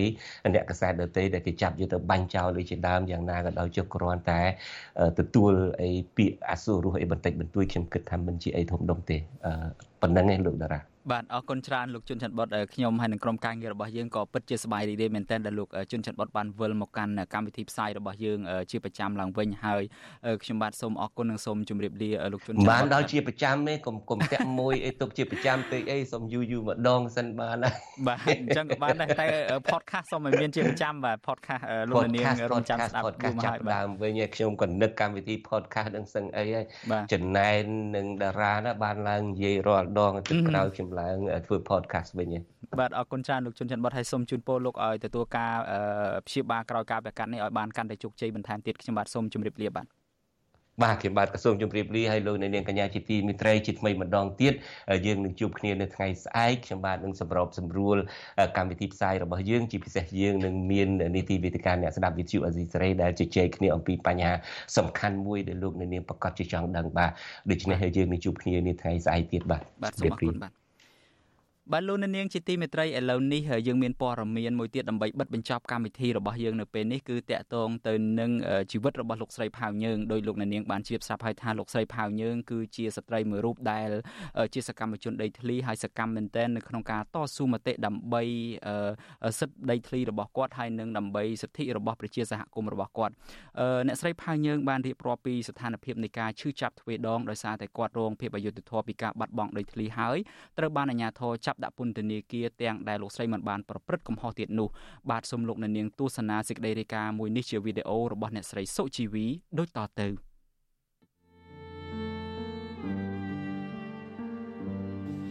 ឡាការខេត្តកោះកុងគឺអត់បានការពីរយុទ្ធធរឲ្យខ្ញុំទេមានតែចេញពីការឃុំខ្លួនខ្ញុំបន្ថែមទៀតខ្ញុំទាំងឈឺទាំងកូនតូចគឺពួកគាត់ចង់សម្លាប់ខ្ញុំឲ្យស្លាប់ដោយស្របច្បាប់ លោកស្រីផៅយើងនិងកូនតូចបានជាប់ក្នុងឃុំក្រោយតុលាការកាត់ឲ្យជាប់ទោសមួយឆ្នាំក្រោមបទចោទបរិហាកេនិងញុះញង់ពលគឺបានคล้ายពីជនរងគ្រោះនៃការរំលោភដីធ្លីទៅជាអ្នកទោសលោកស្រីនិងតំណាងសហគមន៍ថែមទាំងត្រូវសងជំងឺចិត្តចំនួន40លានរៀលឬជិត10000ដុល្លារទៅឲ្យលោកហេងហ៊ុយដែលអ្នកភូមិស្គាល់ថាជាអ្នករំលោភដីធ្លីពួកគាត់។ អាញាធរបានចាប់ខ្លួនលោកស្រីនិងកូនតូចនៅពេលអ្នកមានចំនួនដីធ្លីនៅក្នុងខេត្តកោះកុងនាំគ្នាទៅសុំអន្តរាគមពីរដ្ឋមន្ត្រីយុតិធធគីលោកកើតរិទ្ធឲ្យទម្លាក់ចោលបណ្ដឹងលើអ្នកភូមិ30នាក់ដោយសារតែរឿងដីធ្លីលោកស្រីអាណិតកូនតូចដែលបាត់បង់សេរីភាពនិងជួបការលំបាកទាំងមិនទាន់ដឹងក្តីលឹកគាត់ណាព្រោះអីពេលគេអត់បើកទ្វារគេចាក់សោទៅគឺគាត់នៅអង្គុយនៅកន្លែងចម្រឹងដៃទ្វារហ្នឹងដែលគេទុកប្រហោងប្រហោង ដោយប្រកាន់ដៃយ៉ាងហ្នឹងគឺគាត់នៅឈរនៅហ្នឹងហើយស្រែកហៅគេហៅឯងខ្ញុំហាក់ដូចជាគិតថាក្នុងអារម្មណ៍ខ្ញុំពេលនោះខ្ញុំគិតថាហេតុអីបានជាកូននឹងត្រូវបានពិបាកវេទនាបែបអញ្ចឹងទៅវាពិបាកខ្លាំងណាស់បើនិយាយទៅដឹងនិយាយថាប្រៀបធៀបនឹងអីឯងគឺអារម្មណ៍យើងគិតថាបើឈឺធ្ងន់មានតែងាប់ប៉ុណ្ណឹងខ្ញុំគិតអានេះគឺជាគំនិតរបស់ខ្ញុំទេណាខ្ញុំអត់ដឹង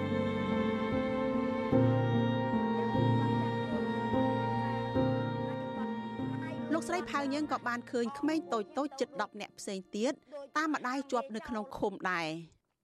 អង្គការសិទ្ធិមនុស្សលីកាដូរកឃើញថាត្រឹមខែមេសាឆ្នាំ2023មានកុមារតូចយ៉ាងតិច82នាក់ជាប់ឃុំជាមួយម្ដាយនៅក្នុងពន្ធនាគារកុមារពុំមានកន្លែងដេកសមរម្យខ្វះអនាម័យខ្វះអាហារនិងខ្វះទឹកដែលអាចបង្កគ្រោះថ្នាក់ដល់ជីវិត កាលពីឆ្នាំ2020ទារកអាយុ5ខែម្នាក់បានស្លាប់ក្រោយមានជំងឺរលាកសួតនៅក្នុងពន្ធនាគារអង្គការសិទ្ធិមនុស្សលីកាដូទទូចឲ្យអាជ្ញាធរតុលាការពិចារណាឲ្យបានគ្រប់ជ្រុងជ្រោយមុននឹងសម្រេចឲ្យស្ត្រីដែលមានកូនតូចជាប់ពន្ធនាគារយ៉ាងនេះក្តីជាញឹកញយមន្ត្រីអគ្គនាយកដ្ឋានពន្ធនាគារតែងតែអះអាងថា ស្ថានភាពពន្ធនាគារនៅកម្ពុជា ប្រសើរជាងនៅប្រទេសមួយចំនួនក្នុងតំបន់ ក្រៅពីរងទុក្ខវេទនាជាមួយកូនតូចនៅក្នុងពន្ធនាគារលោកស្រីផៅយើងកក៏នៅឈឺចាប់ដោយសារតែកូនតូចតូចកំព្រាវេទនានៅផ្ទះខ្ញុំចង់ឲ្យម៉ាក់មានសេរីភាពវិញខ្ញុំនឹកម៉ាក់នឹកប្អូនខ្ញុំសូមឲ្យតុលាការដោះលែងម៉ាក់ខ្ញុំអត់មានលុយរៀនខ្ញុំត្រូវការកប់ក្តៅខ្ញុំចង់ឲ្យម៉ាក់ខ្ញុំមានសេរីភាពឡើងវិញខ្ញុំចង់ជួបជុំគ្រួសារវិញ កាលពីថ្ងៃទី19ខែធ្នូឆ្នាំ2023សាលាឧទ្ធរខេត្តព្រះសីហនុបានប្រកាសសាលដីកាសម្រាប់ឲ្យលោកស្រីរួចផុតពីបទញុះញង់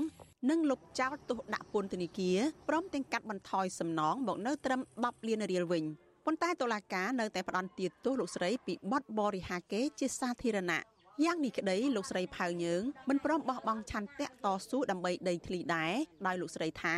ដីគឺជាជីវិតគ្មានដីគឺគ្មានជីវិត អត់ចាំបាច់យកខ្ញុំទៅដាក់គុកគម្រាមកំហែងបែបនេះហើយជាដំណោះស្រាយគឺមិនមែនដំណោះស្រាយទេរឹតតែបង្កើននៅការឈឺចាប់ខ្ញុំកាន់តែខ្លាំងញុះញង់ចិត្តខ្ញុំឲ្យខ្ញុំនឹងទៅជាមនុស្សដែលហ៊ានលះបង់ដល់